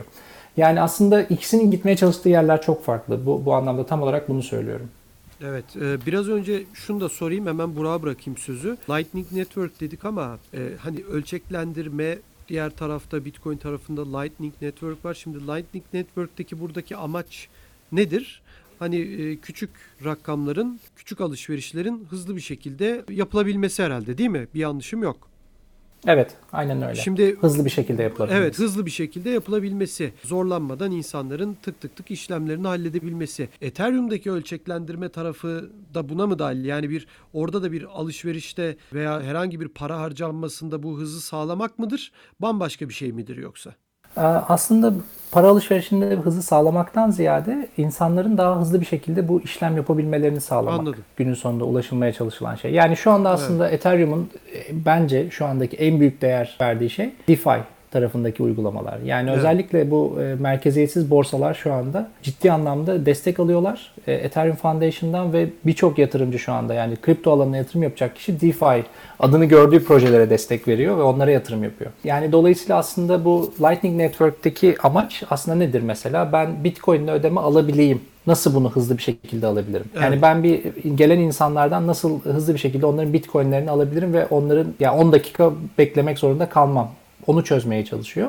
Bunun için kurduğu bir yöntem var. Ethereum tarafında hem bunu tabii ki çö- çözmek istiyorlar. Çünkü hızlı bir şekilde veri transferi de şey değer transferi de yapmak istiyorlar ama asıl konu işlemleri nasıl daha hızlı çalıştırırım. Dolayısıyla buna odaklanıyorlar. Bunun bir sonucu olarak aslında işlemlerin hızlı çalışması oluyor. Biraz önce Burak son bir burada da bir şey soracağım. Tabii. Ee, tamamen basit şekilde. Biraz önce hani merkeziyetsiz borsalara kayma ciddi şekilde olabilir dedin Mert. Peki bu, bu yazda özellikle DeFi'nin top noktaya geldiği, fırladığı dönemlerde de işlem ücretlerinin çok ciddi şekilde arttığını gördük Ethereum'da. E, merkeziyetsiz borsalarda. Bu kayma olduğu zaman merkeziyetsiz borsalara bu işlem ücretlerinde bir değişim olacak mı Ethereum'daki gelişmelerle de birlikte tabii? Tabii eğer Ethereum Beacon Chain'i hayata geçirebilirse o noktada aslında birçok şey yazılım geliştirmeye başlayacaklar. Ama tabii şimdi burada şunu da söylemek lazım. Burada şöyle bir ünlem işareti de var. Ethereum'un 2.0'a geçiş planı 3 aşamalı bir plan. Birinci aşamasını tamamladılar. Şimdi 2 ve 3. aşamaları var. Bu bahsettiğim evet. ikinci aşamasında artık akıllı kontrat çalıştırılabilir hale gelecek ve bu noktada borsalar ve işte DeFi uygulamaları ya da herhangi bir akıllı kontrat uygulaması Ethereum'un yeni alanında çalışabilir hale gelecek. Ama DeFi borsalarının burada gerçekten çalışabilir bir hale gelebilmeleri için diğer eski şeyde olan yani şu anda mevcut mainnet'te olan diğer tokenların da 2.0'a geçiş yapması gerekiyor. Dolayısıyla aslında bu borsalara asıl patlama olayı 2024-25 civarında olacak gibi geliyor bana. Çünkü anca iki net e, iki tane chain'i birbirine bağlayacaklar, birleşecek onlar. Birbirleriyle merge olacaklar. O merge'den sonra bunlar anca aktif olacaklar ama borsalar e, o konuda ciddi bir şekilde giriş yapacaklar. Yani benim aslında hani bu bir yatırım tavsiyesi gibi de algılanmasın ama benim düşüncem şu. Ne zaman ki ikinci aşaması yani bu sharding konusu çözülmeye başladı ve o noktada akıllı e, akıllı kontratlarını e, bu borsalar yeni chain'e geçirmeye başladılar. O noktada borsaların aslında değerleri ortaya çıkmaya başlayacak. Yani borsaların kendi tokenları o zaman çok değerlenecek gibi geliyor bana. Evet. Burak sana geçebiliriz. Tamam. E, şimdi bu e, tokenlar tabii e, hepsi 2.0'a geçecek derken orada tabii muhtemelen her biri için takas işlemleri olacak. E, bu tokenları tutan kullanıcılar Ethereum 2.0 tokenlarıyla bunları takas etmek zorunda kalacaklar. Yani şu anda da bir sürü ortada token var. Zaten piyasanın %80'e yakınını muhtemelen Ethereum blok zinciri üzerinde çalışıyor. Bu bir kargaşa yaratır mı sizce? Yani aklıma o geldi siz bahsederken. İşte burada bunları aslında bu projeleri nasıl ele alacağı çok önemli. Muhtemelen e, şey diyecekler yani şimdi eğer hayatta kalmaya devam etmek istiyorsa bir e, proje, e, Ethereum üzerinde çalışan bir proje mecburen bir takım belir, belirsizlikler ortadan kalktıktan sonra artık yavaş yavaş geliştirme yapmaya başlayacaklar yeni e, şeye geçiş yapmak için. E, yeni chain'e geçiş yapmak için. E, bu noktada şimdi orada tabii şeyin de vereceği kararlara da bağlı bu. E, Ethereum Foundation'ın vereceği kararlara bağlı bu, bu söyleyeceklerim. Eğer derlerse ki kod şey yani merge işleminden sonra iki ağ birbirine bağlandıktan sonra ekstra bir şeyler yapılması lazım. Evet bu bir karmaşa yaratabilir. Ama benim anladığım kadarıyla şu anda e, en çok aslında komünitede en çok konuşulan konu şu. Bu iki chain birbirine bağlandığı zaman aslında eski uygulamaları da destekleyecekler. Ama eski versiyonlarla yeni şeyler yaratılamayacak. Dolayısıyla aslında belki de e, tokenlar çalışmaya devam edecekler. Ama hani yeni bir takım özellikler eklemeleri gerekiyorsa belki de bir upgrade yapmaları gerekecek e, yeni versiyonlarına. Mesela bunu şey gibi düşünebiliriz. Uniswap'ın e, eski şeyleri mesela Uniswap 1.0 vardı. Şimdi yeni versiyonu çıktı Uniswap'ın. Mesela burada bir ufak bir geçiş yaptılar ama çok da hissettirmeden yaptılar. En çok kimi etkiledi? Bu Uniswap'ı kullanan diğer akıllı kontratları ekledi. Yani şunu demeye çalışıyorum. Ben bir projeyim. Başkaları beni kullanıyor. Başka akıllı kontratlar. Benim token'ımı kullanıyor. Belki onların bir şeyler yapması gerekebilir. Anladım. Tabii az önce staking sürecinin başladığından bahsetmiştik. E, şu anda katılan birçok insan var tabii. Şu an rakam 1 milyon ET'nin üzerinde. En son rakamı kontrol etmedim. Borsalar staking için destek veriyorlar. İşte bireysel olarak yapabiliyorsun. İşte sizin senin de az önce bahsettiğin gibi 32 ETH ile. E, açıkçası ben de kendimi buna hazırlamıştım. E, geçen yıl ETH fiyatı işte 150 dolar, 100, 120 dolar civarındayken o zaman belliydi 32 ETH olacağı bunun. 32 ETH'mi hazır etmiştim bir yerde. Bekliyordum yani bugünü. Ama o gün geldiğinde şöyle bir şey çıktı ortaya. İşte staking yaparsanız tokenlarınız kilitlenecek. 2 yıl en az. Hatta bilmiyorum siz az önce 4 yıldan bahsettiniz. O zaman 4 yıl mı olacak yani bu tokenların kilitlenme süresi yoksa 2 yıl olarak kesin mi? 2 en az 2 yıl olacağı garanti ama daha fazlasının olup olmayacağı o, o sırada yapılacak gelişecek şeylere bağlı. Anladım. Yani Şimdi- bunlar biraz hani şey gibi oluyor, medyumluk gibi. evet, evet anladım. Yani iki yıl aslında bunu duyunca ben bir adım geri çekildim bu konuda. Şu anda dışarıda bekliyorum yani gelişmeleri izliyorum. Uzun bir süre gibi geliyor bana. Yani risk- riskli de geliyor biraz. Ee, siz bu işin içinde birisiniz. Ee, siz aslında şu an staking yapıyor musunuz? Yani buna nasıl bakarsınız? Yani sizce mesela sizin kendi bu konudaki kararınız nedir? Ee, bu riski alıyor musunuz? Bunu merak ediyorum.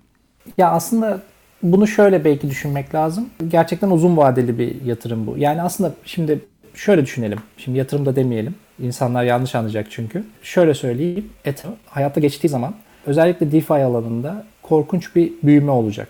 Yani aslında bu teknolojinin kırılım noktası olacak bu. Merkeziyetsiz e, teknolojilerin. Ve Ethereum Foundation da bunun farkında. Bunu en hızlı şekilde yapmaya çalışıyor. Ama biraz iyimser plan yaptıklarını düşünüyorum ben.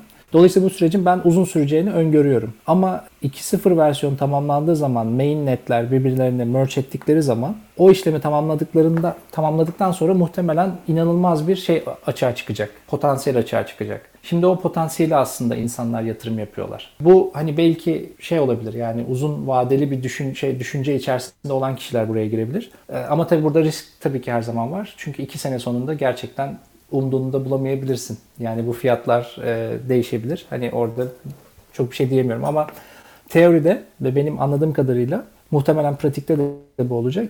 2.0'ın hayata geçmesiyle birlikte inanılmaz bir potansiyel ortaya çıkacak.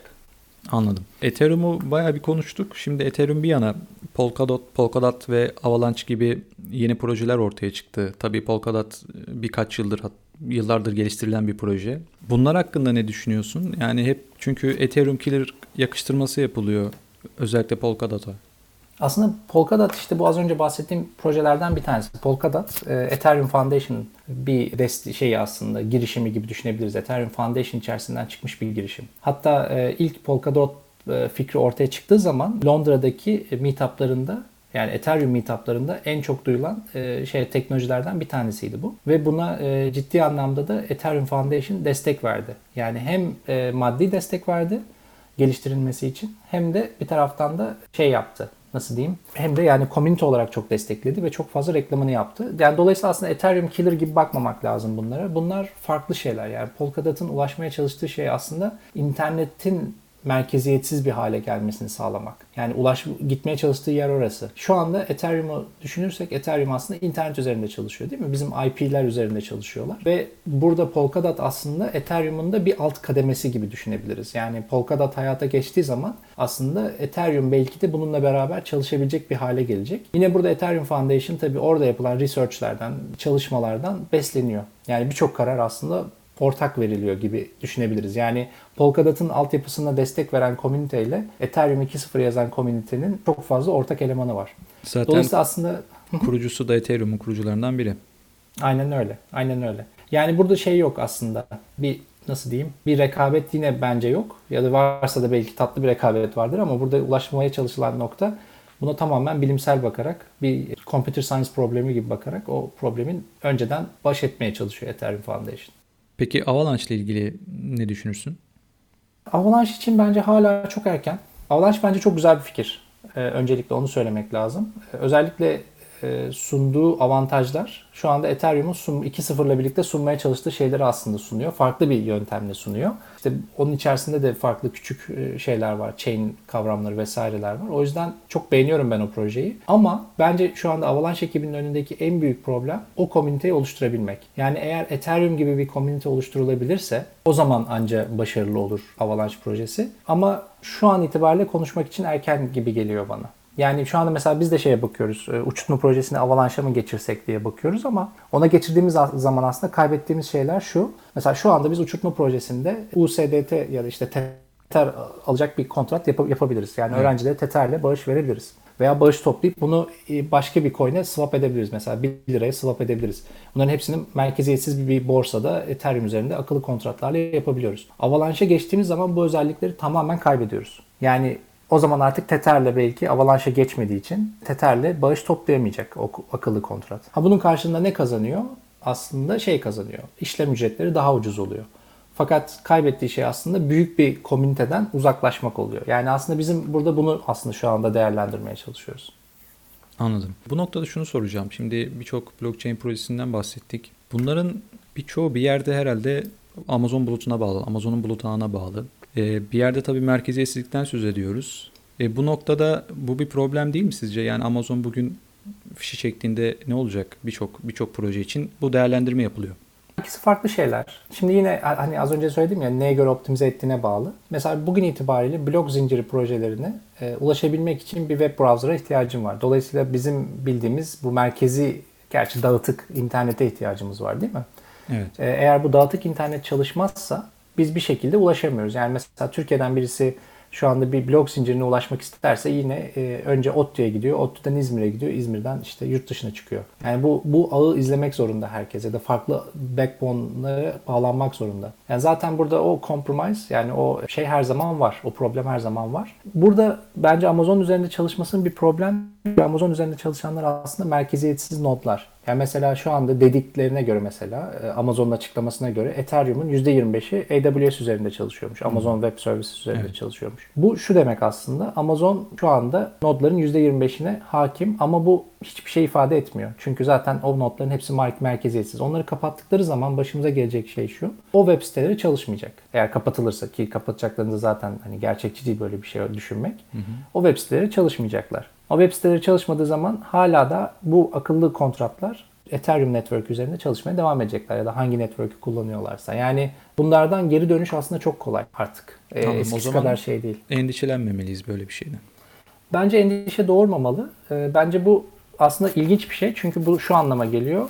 E, sonuçta bu tarz firmaların amacı kar etmek değil mi? Amazon vesaire gibi firmaların. Evet. Ve bu anlamda da reklam yapmaya başlıyorlar ve ellerinde ilginç bir takım gelecek projeleri var. Örneğin AWS artık bu tarz nodların daha kolay çalışabilmesi için Ethereum üzerinde daha kolay çalışabilmesi için bir takım optimizasyonlar yapıyor. Yani günün sonunda aslında muhtemelen bir iki sene içerisinde daha fazla nodun kendi üzerlerinde çalışmasını isteyecekler ki belli bir doyuma ulaşabilsinler ve daha hızlı bir performansa ulaşabilsinler. Yani aslında bu da bunları açıyor. Yani aslında AWS kullanmaları bizim için uzun vadede bir noktada birazcık daha iyi. Çünkü evinde bunu şeyleri çalıştırmak çok maliyetli. Nodları çalıştırmak.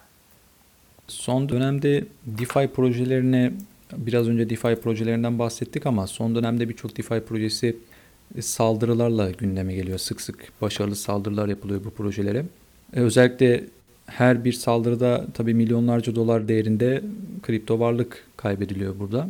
Buradaki problem nereden kaynaklanıyor? Burada yetersiz denetleme veya hatalı kodlama e, muhtemelen bunlardan kaynaklanıyor değil mi?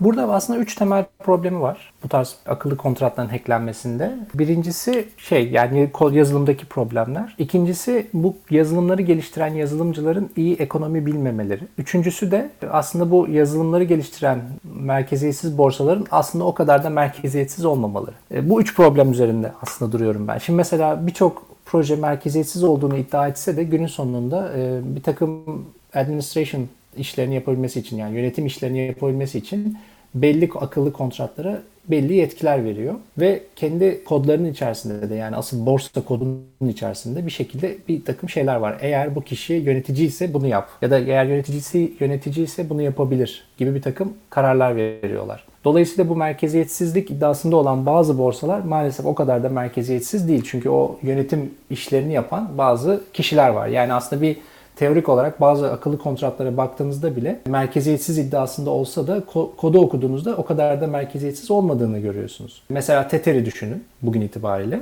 Tether de tuttuğunuz parayı teorik olarak birisi başka bir kontrata başka birisine atayabilir ve bundan haberiniz olmayabilir. Ee, mesela şu anda diyelim ki biz e, Tether'de bir yere yanlışlıkla para gönderin. Evet. Gönderdiğiniz yerinde sizin olduğunuzu ispatlayabilecek bir support ticket'ı açarsanız Tether'e Tether bunun transferini elle yapıyor. Evet, evet. Bu bizim başımıza geldi. Dolayısıyla aslında burada merkeziyetsizlikten söz etmek çok da doğru değil belki de.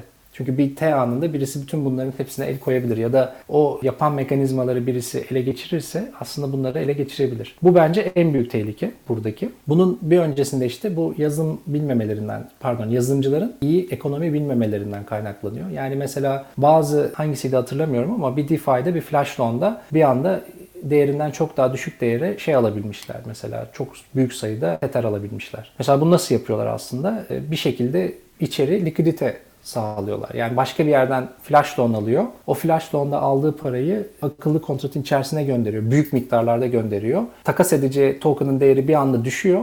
Düştüğü zaman o ucuzdan alıp her şeyi geri ödediği zaman karlı çıkıyor gibi bir takım e, böyle garip şeyler var. Bu biraz kodu yazan kişinin ya da işte o analizi yapan kişilerin de iyi ekonomi bilmelerini gerektiriyor aslında. İş o yüzden zor yani bu tarz şeyleri yapmak. Son olarak ben Hakan'a sözü vermeden önce şunu soracağım. Şimdi blockchain'e bugün her şeyin kurtarıcısı gözüyle bakma gibi bir eğilim var. Birçok şeyi işte blockchain'e dayandırıyoruz. Bu sorun blockchain'e çözülecek, şu sorun blockchain'e çözülecek gibi bakıyoruz. Yani bununla birlikte aradan yıllar geçmesine rağmen henüz son kullanıcıya ulaşan blockchain uygulamaları nadir görülüyor veya görülmüyor. E, Blockchain'in önünde bu evreye ulaşmasını engelleyen ne gibi sınırlar var?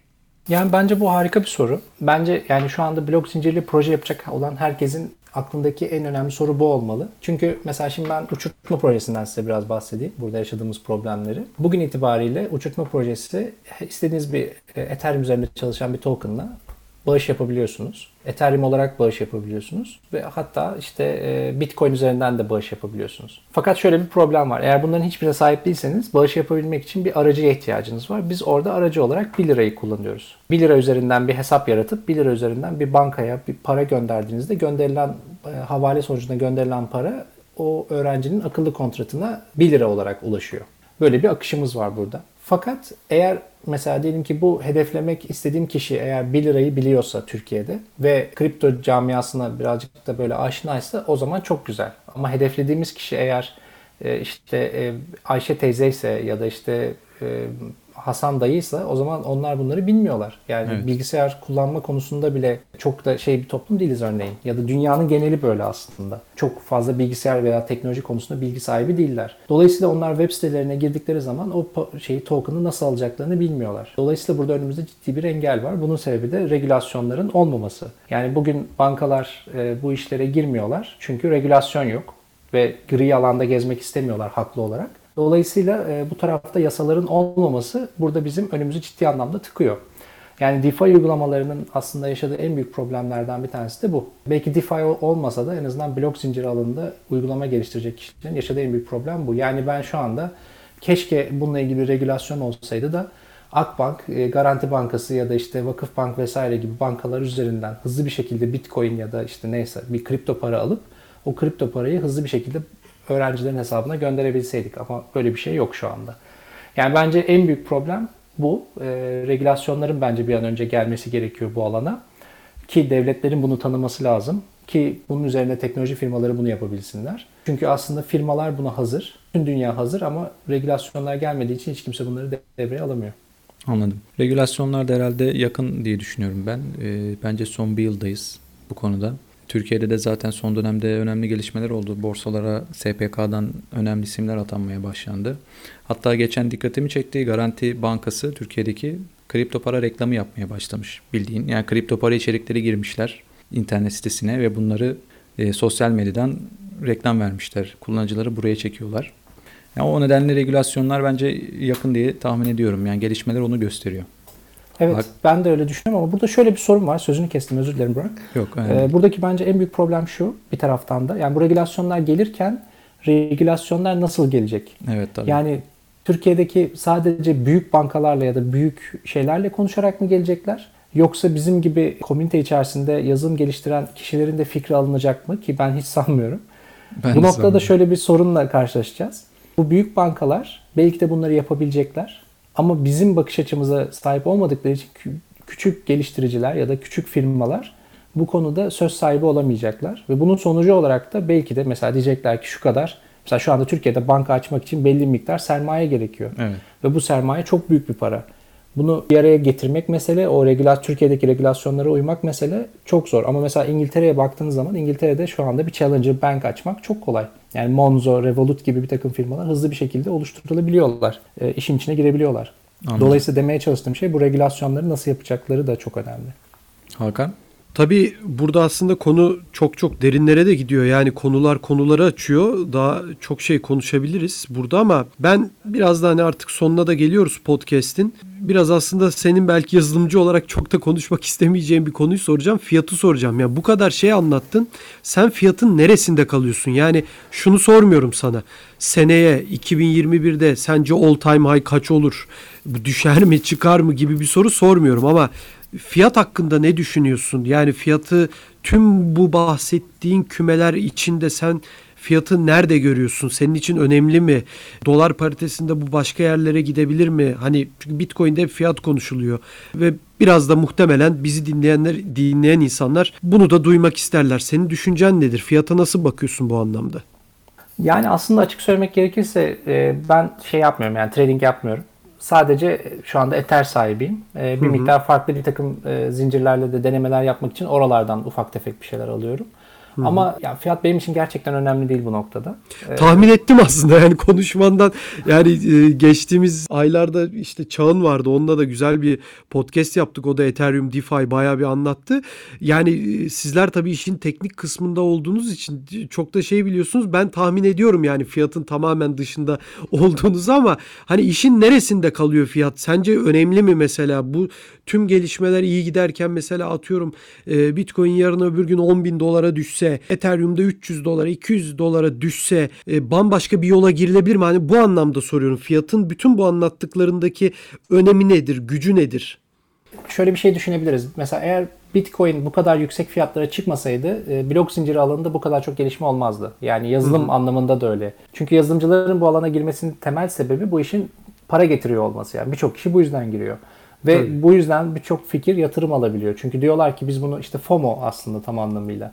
Bu FOMO bize yaradı açık söyleyeyim yazılımcılar ve teknoloji tarafında olanlar için. Bu anlamda bu yatsınamaz ama geleceğe bakarsak açıkçası Ethereum'un fiyatının düşmesi beni sevindirir. Gerçekçi olursam. Evet. Çünkü bu benim için daha hızlı, daha ucuza işlem yapmak demek. Ki bu bence tabii benim için harika bir şey yani şu anda. Özellikle uçurtma projesinde çok yarar fiyatın düşmesi.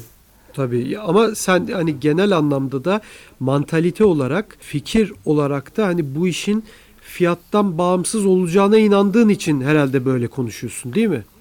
Yani evet, bir yerde kesinlikle. sonunda hani en sonunda bu iş fiyattan bağımsız bir hale gelecek ve hani e, Bitcoin'ciler de hani bazen onu söylüyorlar. Hani öyle bir hale gelecek ki bu iş hani e, işte dolar karşılığının pek bir önemi olmayacak. Ben o anlamda sormuyorum ama hani o kadar güzel projeler, o kadar iyi DeFi projeleri var ki hani artık Ethereum'un biraz önce de bahsettiğimiz gibi arzıydı, dolar karşılığı fiyatıydı veya Türk lirası veya herhangi bir paritedeki karşılığının çok da bir önemi kalmayacak diyorsun gibi geliyor bana. Bana şöyle ben şöyle düşünüyorum mesela hani böyle geleceğe dair bir hayal kuracak olursam bu sistemin en verimli bir şekilde çalışabilmesi için altcoin'lerin Ethereum üzerindeki altcoin'lerin hepsinin fiyatının artması, Ethereum'un fiyatının düşmesi hmm. en güzel. Yani bence optimum nokta o. Çünkü bu ne demek? Evet. Ethereum ağı çok fazla kullanılıyor ve Ethereum ağı üzerinde çalışan organizmalar kendi başlarına hayatta kalabiliyorlar ve daha başarılı olabiliyorlar demek. Benim öngördüğüm gelecek bu. Ama hani bu olursa bence en ideali olur e, gelecek zamanda ve bu aslında yazılımcıları ve teknoloji tarafında geliştirme yapanları en çok etkileyecek şey bu olur. Ve daha yeni teknolojiler çıkmasına fayda sağlar. Son olarak yine genel bir soru sorayım. Biraz önce Burak'ın da sorduğu soruyla biraz bağlantılı işte bütün bu blockchain bahsettiğin senin bu DeFi işte bankalar, regülasyonlar belli ki bazı zorluklar da yaşayacağız. Yani belirli bir işte geçen hafta biz Şant Manukyan'la da çok güzel bir podcast yaptık. Orada da hani jenerasyonlardan bahsetti. Sonuçta e, bizden önceki jenerasyonlar bize göre daha eski kafalılar. E, bizden sonraki jenerasyonlarda bize göre daha yeni kafalı olacaklar. Bu iş belli ki zamanla zamanla olacak. Biraz regülasyonlarda da belki senin biraz önce söylediğin gibi bazı hoşumuza gitmeyen konularda olacak ama senin bu anlamda bir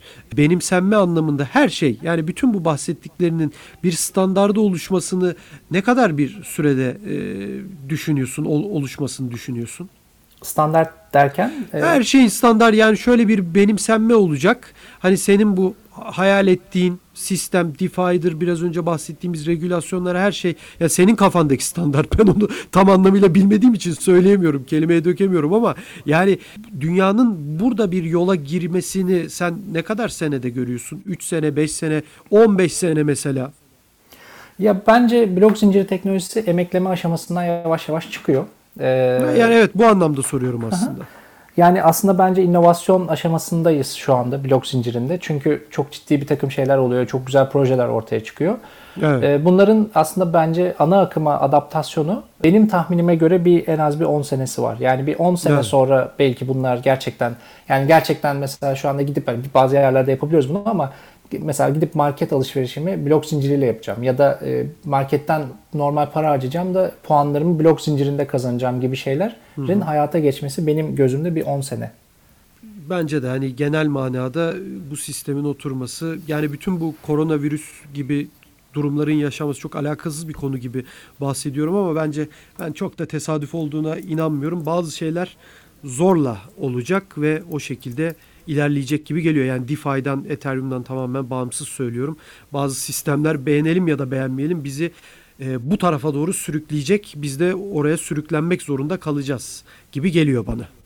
Evet yani bence çok güzel bir tespit. Bana da öyle geliyor evet. Evet. Çok teşekkür ediyoruz Mert değerlendirmelerin için. Yani Burak senin bir sorun var mı? Ben son Sana olarak şu, şu aklıma Tabii, geldi az buyur. önce. Ee, şimdi bütün bu konular bir yerde aslında geliyor, insan kaynağında düğümleniyor. Yani tabii son birkaç yıl önemli gelişmeler olmuştur ama bu işte blockchain alanı geliştiriciler bakımından, insan kaynağı bakımından nasıl durumda şu anda? Yani önemli bir mesafe kat edildi mi? İşte diğer geliştiriciler bu alanda geliştirme yapmamış olan e, geliştiricilerden bu alana büyük bir kayma var mı? Ne dersiniz bu konuda? Yani büyük bir kayma yok bence. E, bu kaymayı yaklaşık 3 sene önce gördük. E, özellikle mesela şimdi ben hani Londra piyasasında içinde olduğum için biraz biliyorum. Her gün en az 20-30 tane yeni iş ilanı geliyordu. Blok zinciri alanında çalışacak kişi arıyorlar. Yani bu bu tarz şeyler çok fazla vardı. Fakat oradaki balon patladı maalesef. Yani birçok firma battı mesela. O milyonlarca e, dolar toplayan firmalar maalesef battılar ve bu balonla birlikte o şeyde patladı. Birçok kişi geçmedi ve şu anda bence ufak bir sayısı yazılımcıların bu işin içerisindeler veya e, bilgi sahibiler. Dolayısıyla e, böyle bir açık var, böyle bir problem de var ama ben bu problemin hızlı bir şekilde açılabileceğini düşünüyorum. Çünkü dediğim gibi Ethereum gibi e, çok fazla dokümantasyonu olan ya da çok fazla elimizde örneği olan uygulamaları geliştirmek için bence bir yazılımcının e, böyle orta seviye bir yazılımcının bir hafta sonunu harcaması yeterli. Dolayısıyla hızlı bir şekilde gelişebilir. Buradaki bence en büyük problem yazılımcılardan ziyade bunun yan alanlardaki bilgi sahibi olan insanları. Mesela bir ürün gelişti ürün yöneticisinin e, blok zinciri üzerinde bir geliştirilen bir ürünle e, ürün yönetimi yapabilmesi için o alanı çok iyi yiyip yutması lazım. Böyle kişiler yok ya da yasal anlamda e, bu konudaki şeyleri takip eden avukatlar çok az ya da mevcut avukatlar onlara da klasik yaklaşımla bakıyorlar. Burada bir şeylerin değişmesi lazım. E, Bence en büyük insan kaynağı eksiği işin o tarafında. E, Mesela maalesef Türkiye'de de birçok kişiden duyuyoruz mesela işte ben şu işte blok zinciri avukatıyım diyor mesela ama maalesef hala da eski yaklaşımla düşünüyorlar. Yani şey yapamıyorlar, çıkamıyorlar o şeyin içerisinden. E, Bunların gelişmesi lazım. Bence en büyük şey burada olacak. Yani eksiklik orada olacak. Anladım. Hakan? Evet programımızı da bitirebiliriz. Mert çok teşekkür ediyoruz değerlendirmelerin için. Ben teşekkür ederim davet ettiğiniz için. Sağ ol ne demek. Burak senin de ağzına sağlık. Aynı şekilde Hakan senin de. Evet bu haftaki podcastimizin de sonuna geldik. Türkiye'nin en büyük kripto para işlem platformu BTC Türk'ün sunduğu ve her hafta uzman coin'in sizler için hazırladığı Bitcoin 2140 adlı podcastimizde bu haftaki konuğumuz yazılım geliştiricisi ve mühendisi Mert Susur'du. Kendisiyle gerçekten Ethereum bazlı olarak birçok DeFi'den blockchain'e kadar birçok konuya değindik. Çok güzel bir program olduğunu düşünüyorum. Tekrardan ağzınıza sağlık. Bizi dinlediğiniz için teşekkür ederiz. Gelecek hafta tekrardan görüşmek dileğiyle.